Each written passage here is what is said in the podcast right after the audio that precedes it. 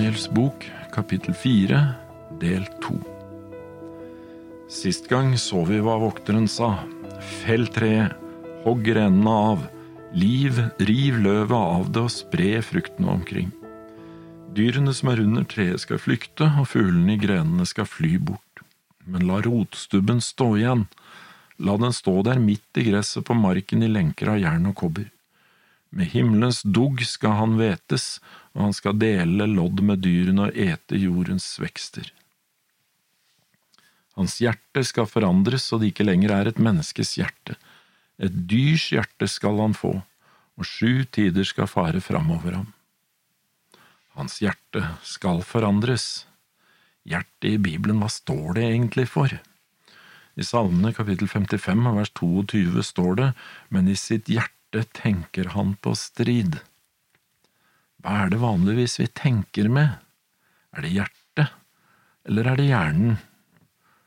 I Lukas kapittel 6 og vers 45 så står det et godt menneske bærer fram det som godt er, av hjertets gode forråd, og et ondt menneske bærer fram det onde av sitt onde forråd, for det hjertet flyter over av, det taler hans munn. Og i Hebreerne kapittel 4 og vers 12 for Guds ord er levende og virksomt og skarpere enn noe tveget sverd. Det trenger igjennom helt til det kløver sjel og ånd, ledd og marg, og dømmer hjertets tanker og råd. Så i Bibelen så må vi nok flytte hjertet noen centimeter oppover. Sykdommen som Nebukaneser ble rammet av, handlet ikke om blodpumpa, det handla om sinnet hans. Et dyrs hjerte. Et dyr følger sine instinkter. Et menneske kan resonnere, lese seg til det Gud har åpenbart ved sine profeter, inspirert av Hans ånd. Da kan du velge å gjøre det som er rett, og ikke bare gjøre det du føler for. I den nye pakt snakker Gud også om en hjerteforandring. Han lover å gi oss et nytt hjerte, og jeg tror ikke det er der heller han tenker på blodpumpa. Det har å gjøre med hvordan vi tenker, med sinnet vårt. Hele omvendelsestankegangen i Bibelen handler om det, om å fatte et nytt sinn, en ny måte å tenke på, at det sinn som var i Jesus, også skal være i oss. Legg merke til at Paulus skriver i 1. Korinterne 2,14, men et sjelelig menneske tar ikke mot det som hører Guds ånd til, for det er en dårskap for ham, han kan ikke kjenne det, det kan bare bedømmes på åndelig vis. Å være sjelelig. I den engelske bibelen så er det oversatt med animal-like. Det som ligger i det, er det å bare følge sine lyster eller instinkter uten at Guds ånd får slippe til. At forstanden kommer med i bildet, og at vi velger å gjøre det som er rett fordi det er rett. Gud overgir derfor kongen til hans egen sviktende dømmekraft. Han får et dyrs hjerte. I vers 17 så står det at dette budskapet er etter vokternes råd, det er de helliges avgjørelse i denne sak, for at alle som lever skal sanne at den høyeste har makt over kongedømmet blant menneskene, og han gir det til hvem han vil, og setter den ringeste av menneskene til rådet over det. Det var jo det kongen sleit med, han likte ikke drømmen i kapittel to, det var det der med etter deg. Han hadde forsøkt å endre på det Gud hadde sagt. Han ønsket ikke noe etter deg, han ønsket at hans Babylon skulle vare til evig tid, derfor hadde han lagd hele statuen av gull. Det som nå skjer, er nok ikke Guds straff for at kongen har utfordret han, det er Guds undervisning. Vi leste noe om vokternes råd og noe om de helliges avgjørelse. Gud arbeider for å vinne kongen. Ut fra det vi leser om vokternes råd, tror jeg himmelen har diskutert hva som var mulig å gjøre for kongen, slik at kongen selv ville velge å endre på sin tankegang. Kongen tenkte å sanne at den høyeste har makt over kongedømmet, og gir det til hvem han vil. Det var jo det Nebukadneser ikke ville bøye seg for. Det var derfor han hadde laget gullstatuen i kapittel tre. Mennesker kan eh, undertrykke andre mennesker og de kan forsøke å endre på det Gud har sagt, men det kommer alltid et tidspunkt da Gud står fram på arenaen og sier at nå er nok nok. Da er den som opphøyer seg over Gud, Da vil han komme til å bli ydmyket. I Esekiel 21 vers 26 så står det, Så sier Herren Herren, ta luen bort og løft kronen av. Det som nå er, skal ikke være mer. Det lave skal opphøyes, og det høye skal fornedres. Og i Matteus kapittel 23 og vers 12, den som opphøyer seg selv, skal fornedres, og den som fornedrer seg selv, skal opphøyes. Kongen har nå fortalt Daniel drømmen, og han bønnfaller Daniel i vers 18. Kunngjør meg nå, Belsasar, hva den betyr, for det er ingen av mitt rikes vismenn som kan si meg hva den betyr, men du kan det, for den hellige Guds ånd er i deg. Dette er tredje gangen kongen anerkjenner at Daniel har den hellige Guds ånd. Han erkjenner også at ingen av hans rikes vismenn kan tyde drømmen. Daniels bok er en profetisk bok. Jeg tror Gud har inspirert det vi leser der, og jeg tror også at det har et spesielt budskap til vår tid. Det er Guds ånd som kan gi oss som lever i dag, også visdom og innsikt, ikke det okkulte, for det okkulte eller det spiritistiske har ikke den kunnskapen. Daniel, som hadde fått navnet Belsasar, sto en stund slått av redsel, og hans tanker forherdet ham. Kongen ser det, at det Guds ånd har åpenbart for Daniel, skremmer han, og han tar til orde og sier, Belsasar, ikke la drømmen og dens tydning skremme deg. Daniel svarer da kongen, Herre, måtte bare denne drømmen gjelde dem som hater deg, og dens tydning dine fiender. Det står ikke noe i kapittel fire om at Daniel hadde samlet vennene sine til bønnemøte, men vi må huske på at det er ikke Daniel som forteller, men kongen. Nå står det ikke i teksten her at Daniel hadde sammenkalt det bønnemøtet, men om det ikke var noe tid til det, ja, så veit vi jo at Daniel alltid hadde sine faste daglige bønnemøter. Den hellige ånd har allerede vist Daniel noe av konsekvensene det ville få for kongen, og det er derfor han blir lamslått.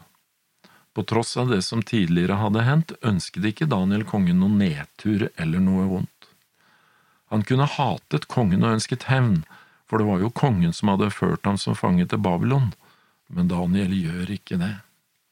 I Hebreerne 10 vers 30 så står det Meg hører hevnen til, jeg vil gjengjelde, og et annet sted Herren skal dømme sitt folk.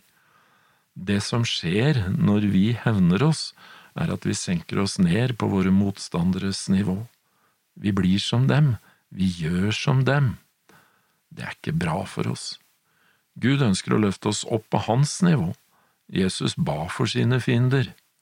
Igjen så viser Daniel oss ved det han sier at det er Guds ånd som driver ham, og som han senere også råder kongen til å få del i.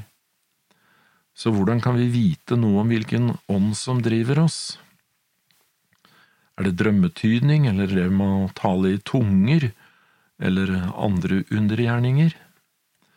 I Matteus kapittel 7 vers 15 og 16 så advarer Jesus oss, Vokt dere for de falske profeter de kommer til dere i fåre av ham, men innvendig er de glupne ulver.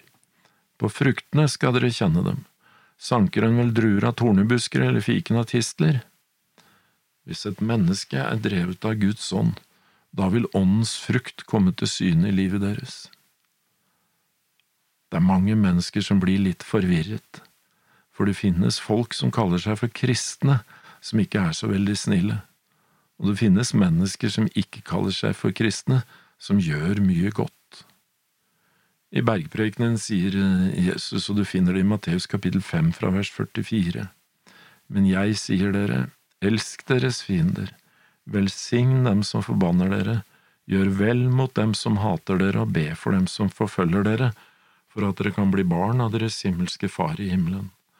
For han lar sin sol gå opp over onde og gode, og lar det regne over rettferdige og urettferdige. Gud lar sin Hellige Ånd virke i alle menneskers hjerte. Hvordan skulle vi ellers lære Han å kjenne? Frukten som kommer til syne i livene våre, viser om vi tar imot eller avviser Ånden. I Paulus sitt brev til galaterne har han to lister i kapittel fem. Den ene handler om kjødets gjerninger, det er slik vi er av naturen, i oss selv, uten Den hellige ånd. Den andre handler om åndens frukter, det er når Den hellige ånd får slippe til i livene våre.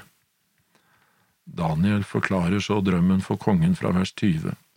Treet som du så var stort og sterkt, det var så høyt at det nådde til himmelen, og det var synlig over hele jorden. Det hadde så fagert løv og bar så rik frukt at det ga føde til alle. Markens dyr hadde tilhold under det, og himmelens fugler bodde i grenene. Dette treet er du selv, konge. Du er stor og mektig. Ditt velde har vokst så det nå like til himmelen, og ditt herredømme til jordens ende.